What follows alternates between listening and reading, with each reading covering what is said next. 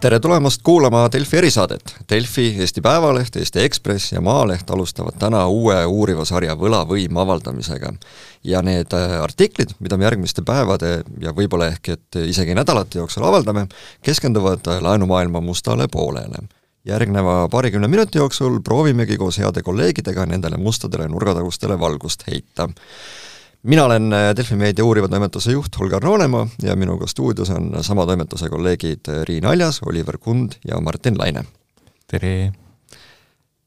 Riin, äh, sa oled viimased paar kuud sisuliselt elanud kohtulahendite registris ja, ja tuhninud võlglasi puudutavates kohtuotsustes. Räägi, miks sa seda tegid ja, ja mida sa sealt täpsemalt otsisid? Äh, kohtulahendeid me vaatasime üldse sellepärast, et kui inimene jääb äh, oma võla maksmisega äh, jänni, et ta ühel hetkel enam ei maksa,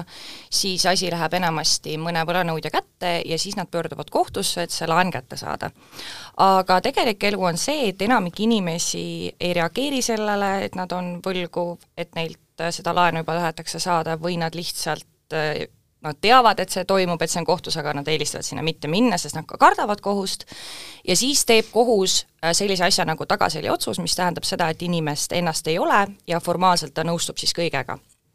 ja sealt tuleb siis otsus, mis ütlebki, et sa pead äh, pead oma võla ära maksma ja seal on juures ka kohtu poolt kinnitatud erinevad äh, tasud, nagu viivis, intress ja menetluskulud, ja siis nii ongi ja miks meie hakkasime neid kohtuotsuseid vaatama, on see, et meile üks viljapuhuja äh, juhtis tähelepanu, et tegelikkuses kohtud igapäevaselt äh, kinnitavad kõrgemaid viiviseid, kui tegelikult äh, nad peaksid, ja see läheb inimestele maksma tuhandeid eurosid. kui ja palju neid inimesi on? Neid inimesi konkreetselt nii-öelda kõige väiksem arv, kellega meie tegelesi, tegelesime, oli kuussada kakskümmend kaks kohtulahendit aga läbi me vaatasime selle loo jaoks praegu üle nelja tuhande otsuse, me lihtsalt hakkasime kogu aeg neid vähendama, et olla kindel, et me tegeleme nende asjadega, kus me saame kindlad olla, et küsitakse rohkem viivist. aga tegelikkuses see probleem puudutab igal aastal äh, sadu kuni tuhandeid inimesi Eestis mm. -hmm. Ja mis selle ana-, andmeanalüüsi tulemus siis kokkuvõttes äh, on, et, et kui palju meil tegelikult siis on neid inimesi, kes maksavad kui palju rohkem, äh, jah neid inimesi, kelle puhul me saame kindlalt öelda, et äh, kohtu siis äh, otsusel või süül nad maksavad rohkem, kui nad peaks, oli nelisada kaheksakümmend seitse. Ja aga tegelikkuses see probleem on suurem, sest need kohtuotsused, mis siis tegelikult inimestele maksavad tuhandeid, vahel ka veel rohkem eurosid, on vahel lühemad kui üks lehekülg, sageli kaks lehekülge. Ja öö, tuhande kahesajast kohtuotsusest ei olnud meil isegi võimalik välja öelda, kui palju keegi peab viivist maksma, viivis on siis see summa, mis sa maksad selle eest, et sa hilined. ehk siis kuigi meie loos me räägime neljasaja kaheksakümne seitsmest inimesest, ehk mis on siis iga nel- äh,, iga neli inimest viiest, ehk siis kaheksakümmend protsenti sisuliselt, siis tegelikkuses võib neid olla kordades rohkem, rääkimata nendest, et osad need asjad ei jõua kohtusse, et inimene maksab viivise ära ja nii ongi. Äh, Oliver, sina rääkisid selle loo jaoks äh, muuhulgas ka erinevate siis nendesamade võlglastega, äh, keda need otsused on puudutanud, mida nad ise teavad sellest üldse? pilt on väga kirju, et võib öelda, et need võlglased on inimesed, kelleni tihti ei jõua see informatsioon, et äh, nende asi on koht, kohtusse jõudnud. Nad on teadlikud oma võlast, aga nad tä-, päris täpselt ei tea, kuhu suunas see liigub, äh, kuidas see summa kasvab, äh, mis olukorras nad täpselt on ja kui siis mingi regulaarsusega see nõue nendeni jõuab, siis, siis nad seda numbrit kolossaalselt kasvamas näevad kui sa küsid, mis olukorras nad on, loomulikult nad on olukorras, kus nad äh, ei suuda seda äh, laenu teenindada, et on nad kaotanud kas töö või ei ole neil nii palju raha, et elu kõrvalt seda tagasi maksta. ja nii see kasvab e,. Ma küsin võib-olla naiivselt, aga nüüd me räägime tagaselja otsustest, see tähendab, et need inimesed ise ei ole kohtus kohal käinud, miks nad ei lähe um,? Ma ütleks, et minu tunnetus on see, et seal on mingi segu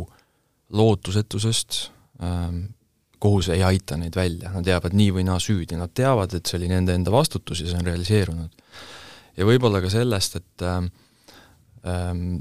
teatav hirm on üldse kohtusse minna, et äh, see tuleb avalikuks, sa pead kellelegi kuskil aru andma, see on natukene piinlik. Ähm, oma elu raskusest rääkida ja kui sul ei ole lootust, et seal kohtus midagi muutub, siis jäetaksegi sinna minemata. ja see on irooniline, sellepärast et et inimesed ei lähe kohtusse sellepärast, et neil ei ole lootust, et seal midagi muutub, aga samas äh, näitavad kohtuasjad ja kohtunikud ütlevad, et tegelikkuses, kui sa läheks kohtusse kohale, siis tõenäosus, et su võlg palju rohkem väheneks, sest jõuaks, jõutakse kompromissile ja kohus saab sind aidata, on tegelikult, see on esimene abi, mida sa, see on esimene asi, mis sa peaksid tegema, et võlga vähendada. kuidas see kohtuotsus tegelikult äh, neid inimesi saatma jääb, kui kaua, äh, mismoodi see neid, äh, neid mõjutab edaspidi? see mõjutab selles mõttes, et et kui sa oled maksetega hiljaks jäänud, sinult, sinult hakatakse võlga nõudma võlanõudja kaudu ja kohus siis ütleb, et jah, sinult võib selles summas raha nõuda. ja siis see on juba noh, see on, see on kinni, mida sa võid teha, sa võid selle otsuse edasi kaevata, kohtuotsuse, enamik inimesi te seda ei see, tee, ja siis sealt edasi, et kui kohus näiteks ütleb, et äh, noh, meie otsustas näiteks, et kohus ütleb, et sa pead maksma iga, nüüd selles hetkes, kui kohtuotsus on kinnitatud, iga päev sa pead maksma veel edasi oma laenusummalt kolmkümmend kolm protsenti viivist ja kes siis meie lugu loeb, saab näha, et kolmkümmend kolm protsenti on liiga palju, piir oleks kakskümmend neli, siis nüüd selle otsuse järel iga päev sa, su võlg kasvab edasi, kuni sa siis selle ühel hetkel ära maksad. Te alustate oma artiklit äh, tsiteerides äh, erinevaid äh, kohtunikke, keda te intervjueerisite selle loo jaoks. ja neid kohtunikke oli, oli tõesti väga palju. ma loen mõned need tsitaadid ette, et üks kohtunik ütleb, et see kõlab nagu karjuv ebaõiglus. Teine kohtunik ütleb, et teie artikkel on mulle üllatus, meile ei ole tulnud sisendit, et need erinevused oleks nii suured. kolmas kohtunik ütleb, et ma ei tahaks olla see inimene, kes tuleb kohtusse hoiab hinge kinni ja mõtleb, huvitav, kelle juurde ma seekord satun. milles see tegelikult siis see probleemi, probleemi iva seisneb, et, et kuidas saab olla võimalik, et täpselt samasuguste tingimustega võlglased saavad nii kardinaalselt erinevaid otsuseid, mis äh, muudab nende elu ja nende rahalisi kohustusi järgnevateks aastateks? iva seisneb selles, et ähm, Eestis on osaliselt vastukäivad kaks Riigikohtu otsust ja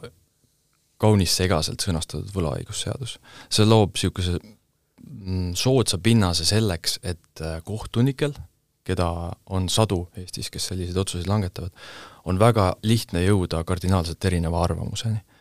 Ja see oht ei ole teoreetiline, see on realiseerunud. Äh, need andmed, mida meie analüüsisime, puudutavad ainuüksi viimast aastat, aga see on kestnud tegelikult aastaid selliselt samamoodi Äh, ja praktikas tähendab see seda, et ähm, inimesed saavad reaalselt kohtutest erinevat kohtlemist täpselt sama seaduse paragrahvi alusel. ja seda erinevust on võimalik mõõta tuhandetes eurodes. mõnel veab, mõnel mitte, äh, üks viiendiku saab saab siis enda jaoks rahaliselt soodsama otsuse äh, kui teine. ja sa tsiteerisid siin neid kohtunikke, kes oma mõtteid sellest avaldavad, pilt on laias laastus selline, et enne meie artiklit olid väga vähesed Eestis äh, seda õigussüsteemi probleemi endale teadvustanud. Äh, maakohtunikud, äh, kelle otsused ringkonnas ümber tehakse, loomulikult teavad seda. aga suurem pilt, kes peaks muutma seadusi, Justiitsministeerium, Riigikohus, nad üksikud ainult aimavad sellest.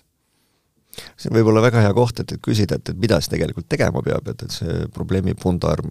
lahti arutada või lahti arutanud, tegelikult teie juba olete selle, aga, aga, aga ära lahendada, kes mida tegema peab? see on selles mõttes hästi keeruline küsimus, et äh, mis võib-olla vajab ka rõhutamist, on see, et see asi ei ole nii lihtne, et lihtsalt äh, kohtunikud ei ütle, et äh, viivis võiks olla väiksem, seal tekib see error, et kui inimesel on näiteks intress laenul nelikümmend seitse protsenti ja viivis on kakskümmend neli protsenti, siis ühel hetkel sul on lihtsalt kasulikum kohe mitte maksta, sest sellel hetkel sa oled hiljaks jäänud ja siis sa juba maksad viivist, sest viivist ja intressi korraga ei tohi võtta. ja siis on see, et, et, et sisuliselt, ja mis on ka see põhjus, miks kohtunikud teistmoodi arvutavad, et sul on, et see on nagu laenuvõtja, laenuandja suhtes ebaaus. Ja siin ongi see küsimus, et, et, et kumba pidi sa siis otsustad, sest kui lihtsalt viivisemäär panna nii-öelda nui neljaks konkreetse arvuga, siis tekib jälle see viivise intresside probleem. et äh, sisuliselt äh, meie allikad, osad ütlevad ka seda, et, et kuigi Riigikohus võiks teha oma otsused selgemaks, siis tegelikult peaks äh, asja lahendama seadusandja, et ma arvan, et Oliver oskab selle kohta veel rohkem öelda. ma olen Villu Kõvega täiesti nõus siin, kes, kes on Eesti suurim ekspert ja mõtles selle peale meie palvel väga sügavalt Äh, ta ütleb, et äh, seadusandja koht ja see on poliitilise otsuse küsimus, mida me oma kodanikelt tahame, milliseid äh, riske me laseme neil võtta, ka olukordades, kus nad teevad endale võib-olla mitteteadlikke finantsotsuseid. ja ma ütleks, et see vajab lahendust väga kiiresti jah, Villu Kõve muuhulgas teile antud intervjuudes ka, Villu Kõve tegelikult tuleb ka kuulajale öelda, et tema oli mõlemas äh, Riigikohtu, mõlema Riigikohtu otsuse tegemise kolleegiumis, kolmeliikmelises kolleegiumis, kelle otsused siis siin praegu seda vastuolu puudutavad või, või põhjustavad, et üks aastast kaks tuhat üheksa ja teine aastast kaks tuhat kuusteist, aga mida ta ütleb teile antud intervjuus, et tegelikult oleks vaja Riigikohtul teha ka üks uus otsus näiteks. et peaks seesama teema uuesti jõudma Riigikohtusse, et siis justkui enda varasemalt tehtud vead või, või segased vasturääkivad otsused kuidagi, kuidagi ära parandada. ja see probleem nii, nagu mina sellest aru saan, äh, olles näinud küllalt lähedalt, kuidas, kuidas te seda artiklit äh, koostasite, on, et äh, neid otsuseid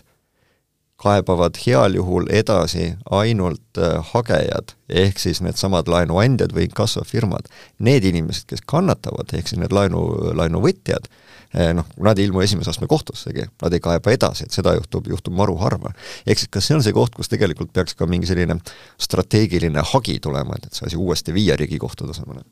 see on üks asi, mida ka Villu Kõve ütles, et kui meie rääkisime nendest lahendustest, siis Villu Kõve ütles ka seda, et tema jaoks ongi näiteks küsimus, et miks advokaadid ei võta, miks advokaadid ise ei võta seda teemat üles.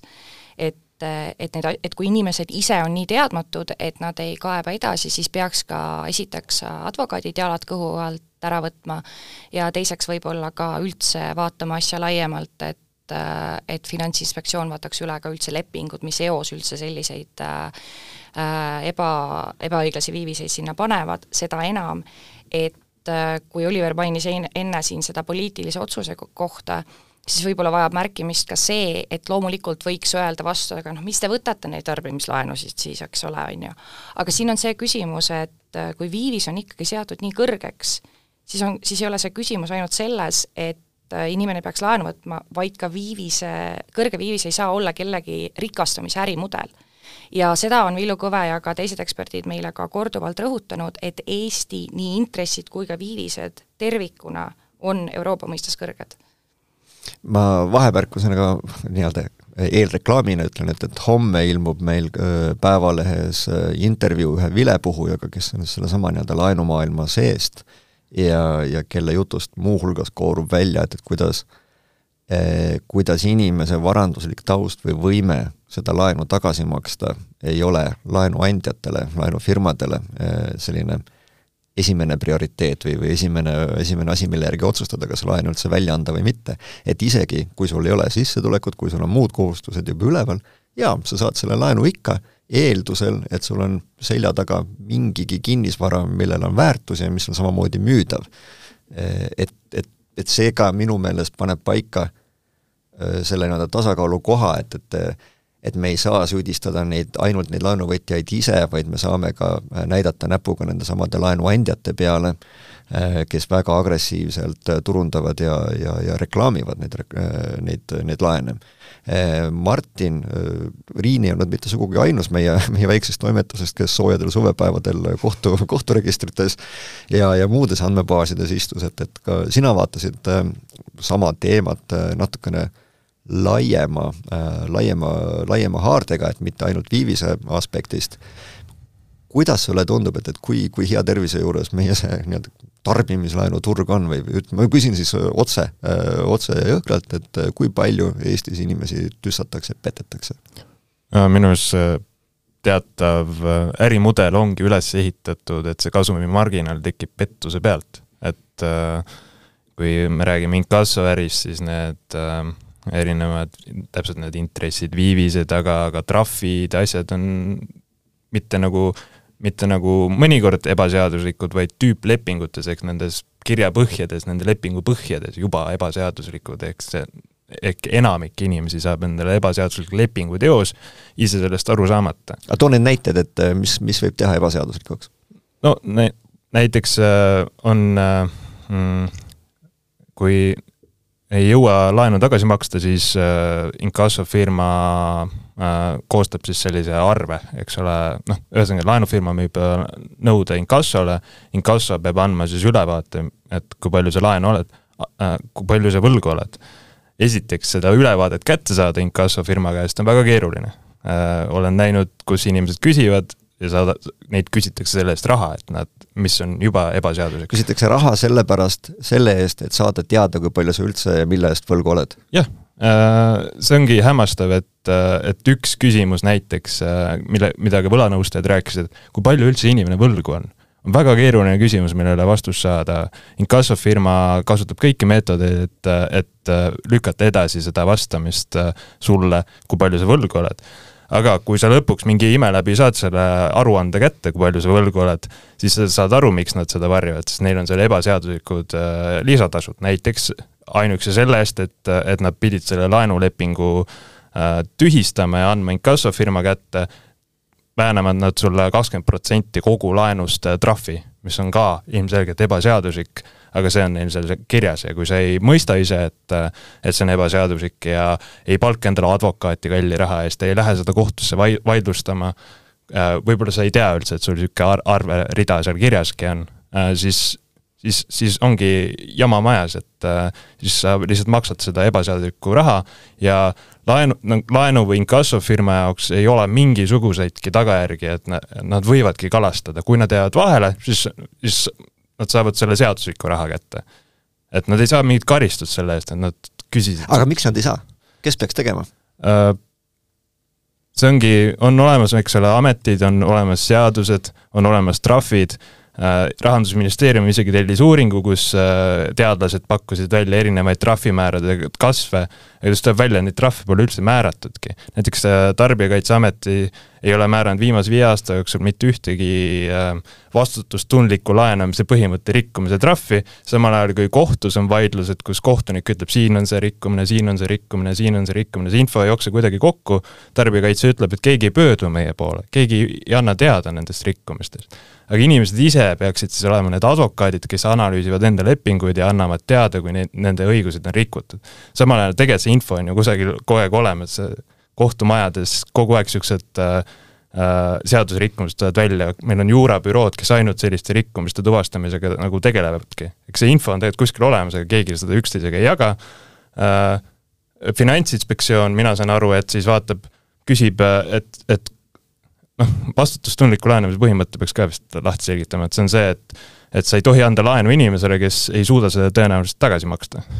Aga, aga teatavad näiteks hüpoteeklaenud, mis pannakse siis maja tagatisega või siis äh, autolaenud, mis pannakse auto tagatisega äh,, laenuandjal on just nagu soov, et, et ta ei maksaks seda tagasi, siis ma saan selle kodu temalt kätte ja ma saan palju suurema kasumi ja keegi nagu ei kontrolli seda, et, et sellisel meetodil tegelikult laenuandjad tegutsevadki. et ajada inimene võlgadesse ja saada temalt äh, juba suurem noos kätte ähm,. kus ma jäingi? Et äh, ühesõnaga Finantsinspektsioon, et seda kontrollida, tal on ka teatav kohustus nagu kontrollida, kas turul käib niisugune käitumine või mitte, ta küsib välja laenufirma äh, sise-eeskirja. Ta ei, ta ei küsi laenufirma lepinguid, ta ei lähe kontorisse kohale, et vaadata, kuidas nad nüüd laenu annavad, ta küsib välja selle paberi, kuidas nad teoreetiliselt seda oma ärimudelit rakendavad aga see ju ei kontrolli seda, kuidas nad päriselt seda tegelikult teevad. oleks, minu jaoks meenutab see klassikaliselt äh, kõige suuremaid neid rahapesu case'e, mis Eestis olnud on, ehk näiteks sedasama Danske ja Swedbanki case'i, kus tegelikult Finantsinspektsioon Äh, enne, kui päriselt tegutsema hakkas, äh, küsis aastaid anda välja ülddokumente, et, et näha, kas see raamistik äh, on, on pankade sees paigas. Kus... selle asemel ja kui ja sellel hetkel, kui nad lõpuks läksid kohale, istusid siin Danske Banki peakontoris kohal mitmeid nädalaid, võtsid konkreetsed klientide lepingud, klientide ülekanded, klientide kontod lahti, et siis tuli tegelik, see tegelik pilt välja. et tegi-, palju väiksemas mastaabis, aga üksikinimesele, Eesti nendele samadele laenu hätta sattunud inimeste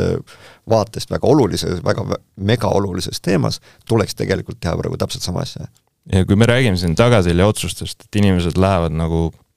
noh, saavad eba, ebaõigeid otsuseid kohtust, eks ole. kui inimene on väga osav, palkab endale parimad advokaadid, äh, tuvastab, et talle on antud laenu ebaõiglaselt, lepingud on ebaseaduslikud ikka mingit tagajärge ei ole, ülejäänud kakssada klienti, kes seda ei tee, neid kooritakse ikka samamoodi edasi. mitte keegi ei tee mingeid järeldusi, mingeid parandusi äh,, mingid seadusemuudatused istuvad kuskil riiulis viis aastat, hoiu-laenuühistu seadust tuleks uuendada, inkassoseadust tuleks uuendada, laenuturuseadust tuleks uuendada, reklaamiseaduseid tuleks uuendada, et igal tasandil nagu lappab et Finantsinspektsioon mulle tundub, et on lihtsalt alamehitatud. tarbijakaitse, mis ka selle valdkonnaga peaks tegelema, tegeleb ainult reklaamiga, sest see on nagu ilmselge, sa saad visuaalselt peale vaadata, et näed siin on rikkumine. Et.... kuigi, kuigi, kuigi Tarbijakaitseametil või TTJA-l on äh, õigus kuni nelisada tuhat eurot trahvi teha just sellesama äh, kohusetundliku laenamise põhimõtete rikkumise pärast, mis on tegelikult ju, vahend on olemas. jah, ja seda määra veel tõsteti spetsiaalselt nagu selle jaoks, et seda korda nagu majja lüüa, aga samal ajal seda mä-, trahvi iseennast ei tehta. Ja siis, ja siis ongi vabandus see, et inimesed ei pöördu, mis on probleem kindlasti, et inimesed ei tea, et nad võivad tarbijakaitsesse pöörduda, et äh, võib-olla teadlikkus võiks olla parem, aga mingisugune proaktiivsus võiks ka riigi tasandil olemas olla, et tuvastada probleemi üritada seda, seda lahendada, aga praegu on kogu, kogu vastutus igas elemendis, iga seaduserikkumise tuvastamisel, iga iga ebaõigluse lahendamisel inimesel endal. Ja me teame ju tegelikult, et need kiirlaenuvõlglased on, noh, nad ei ole võib-olla alati kõige kirkamad kriidid, nad on võib-olla isegi mingites kriminaalsetes jamades, nad ei usalda riiki üldse. et äh, aga selliseid inimesi peab ka ühiskond kuidagi kaitsma ja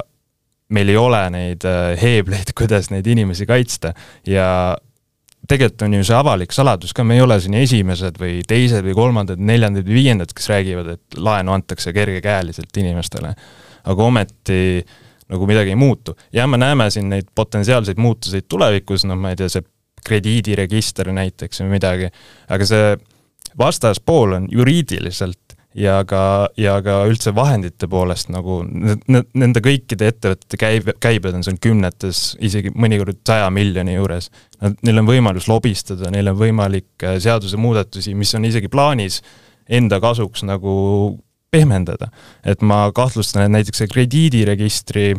kõik need positiivsed äh, asjad, mis sealt võiks tulla, et inimesed noh, kui sul on need kõik võlad inimese kohta nagu kirjas, sa ei saa talle anda äh, kergekäeliselt laenu. aga ma usun, et seal on ka võimalik välja mõelda, lobistada endale mingisugused pehmendused, et et sa enda vastutust nagu maha saaksid, aga kes lobistab siis nende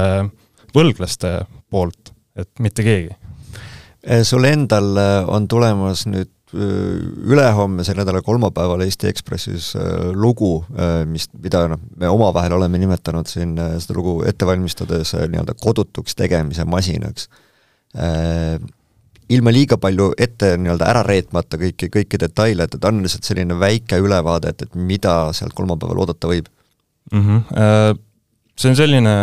eks ole, ettevõtete süsteem, kus on iga haru on siis samade inimeste kontrolli all see laenuandja on sama inimeste kontrolli all, siis kui laen läheb hapuks, siis see refinantseeritakse hoopis suuremate tasudega ühe teise laenuühistu poolt ja siis, kuna see eelmine läks hapuks, läheb see ilmselgelt ka hapuks äh, ja, ja need kõik laenud toimuvad siis kinnisvara tagatisel,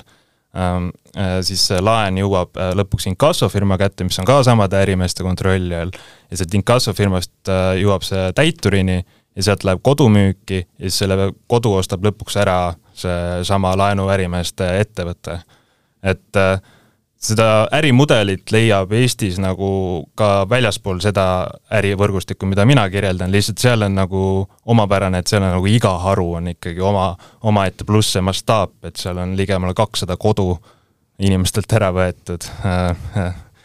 et äh, ja neid kodusid ostetakse ära äh, avalikelt enampakkumistel tõesti kopikate eest, et me näeme, et, et kuidas neid, äh, neid, neid kodusid ostetakse suurusjärgus viie tuhande euroga avalikult enampakkumiselt, sellepärast et, et nad on nii toksilised, et mitte ükski, mitte ükski nii-öelda päris ostja selle vastu huvi ei tunne. ja no siis see... järgmisel hetkel pannakse kümme-viisteist korda suurema hinnaga uuesti müüki. just seesama, needsamad Äh, hüpoteegid, et äh, mis seal peal on, need kõik need äh, võlad, mis seal kodul peal on, keegi ei taha seda, välja arvatud need ärimehed ise, kes ei pea mitte millegagi riskima, kui nad selle kinnistu järele tulevad. ja ilmselgelt seal on kõikides harudes on mingisugune skeemitamine. laenu antakse inimestele, kes on, ma ei tea, skisofreenikud, vaimuhaiged, leitakse käendajaid, kes võib-olla, inimesel pole endal kodu, aga ta leiab endale kõrvale kellegi käendaja, kes on ka noh, ma ei tea, ei saa üldse elust aru mitte midagi äh,. antakse laenu inimestele, kes ei teeni mitte midagi. Inkasso,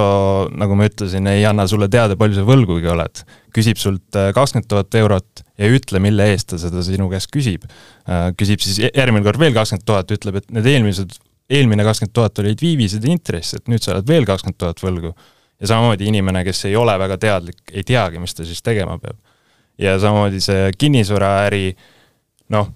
seal, seal ma vaataks nagu selle kohtu täite, täiturite poole või selle täitemenetluse poole üldse, et mul on tunne, et täituritel esiteks on ka käed-jalad kogu aeg tööd täis, ülekoormatud, nad ei suuda keskenduda, seal tehakse arvutusvigu, seal ei, ma ei tea, täiturid mingi oma peast mõtlevad välja kinnistule hinda, aga samal ajal nad saavad viidata sellele, et näed, meil siin selle hinnaga kukkus oksjon läbi, sest huvi ei olnud selle toksilise kinnistu vastu, seega mina ei saanud eksida, sest see läks ju, oksjon kukkus läbi minu määratud hinnaga, ehk siis see huvi lihtsalt selle täitemenetluse oksjonite vastu on ka väike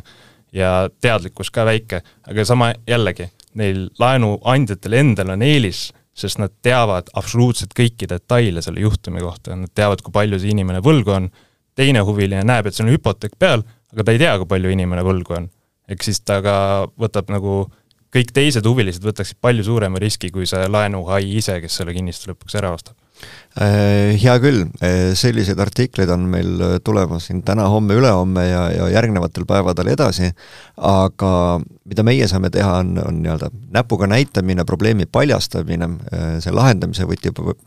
asub kindlasti väga paljude erinevate riiklike institutsioonide ja, ja, ja, ja poliitikute käes, aga talv on tulemas, küttearved, energiaarved lähevad suureks inflatsioon on äh, kakskümmend viis protsenti, ja me juba praegu näeme, mismoodi erinevad laenuandjad, hoiulaenuühistud äh, just mängivad selle peale, et nad kutsuvad inimesi kõrgemate energiakulude katteks võtma, äh, võtma selliseid tarbimislaene. anname nüüd palun natukene nõu ka, et mis on need, ma ei tea, kolm, neli või viis asja, mida inimesed tegema peaksid, enne kui nad laenu võtavad, siis kui nad on laenu võtnud ja siis, kui nad näevad, et selle laenuga hakkab hapuks minema? no esimene nõu on see, et näiteks kümme protsenti intressi, see võib kõlada väga väiksena, aga see on ülisuur summa, kui see on väga pika perioodi peale, siis tähendab umbes seda, et sa võtad kakskümmend tuhat laenu, nelikümmend tuhat maksad tagasi. et äh, võiks need äh, arvud endale selgeks teha, teiseks äh, ära usu neid ettevõtteid, kes sinu käest raha küsivad alati, et, et alati tasub eeldada, noh, sa mõtled, et, et see süsteem ei saa olla nii ebaaus sinu vastu, aga see võib alati olla sinu vastu väga ebaaus. ehk siis noh, selline õiguslik abi on tegelikult nagu esimesed mingisugused nõustamistunnid on tihti nagu tasuta, et vähemalt nagu otsige abi või otsige enda sõprade juurest abi ja pidage nõu isegi enne, kui te laenu võtate, aga isegi siis, kui te nagu laenu ajal nagu jamades juba olete, et ja no ilmselgelt juurde laenamine, et, et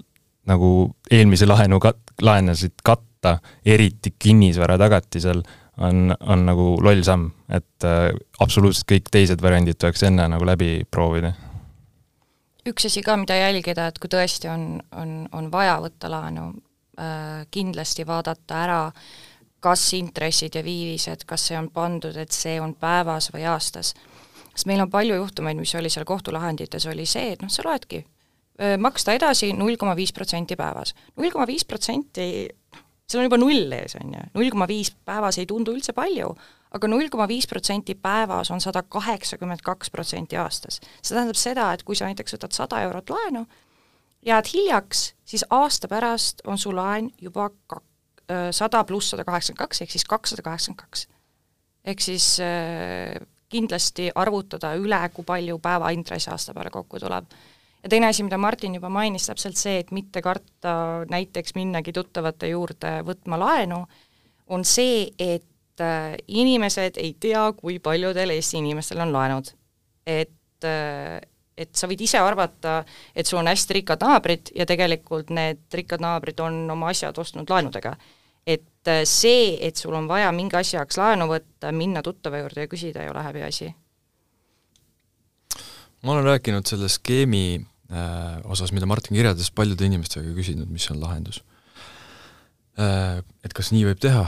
ja paljudelt inimestelt ma olen kuulnud, et aga see on ettevõtlusvabadus sinna Eesti seaduste järgi ei saagi midagi parata, et kui üks inimene tahab olla nii laenuandja, inkasso, Äh, väljanõud ja nii edasi.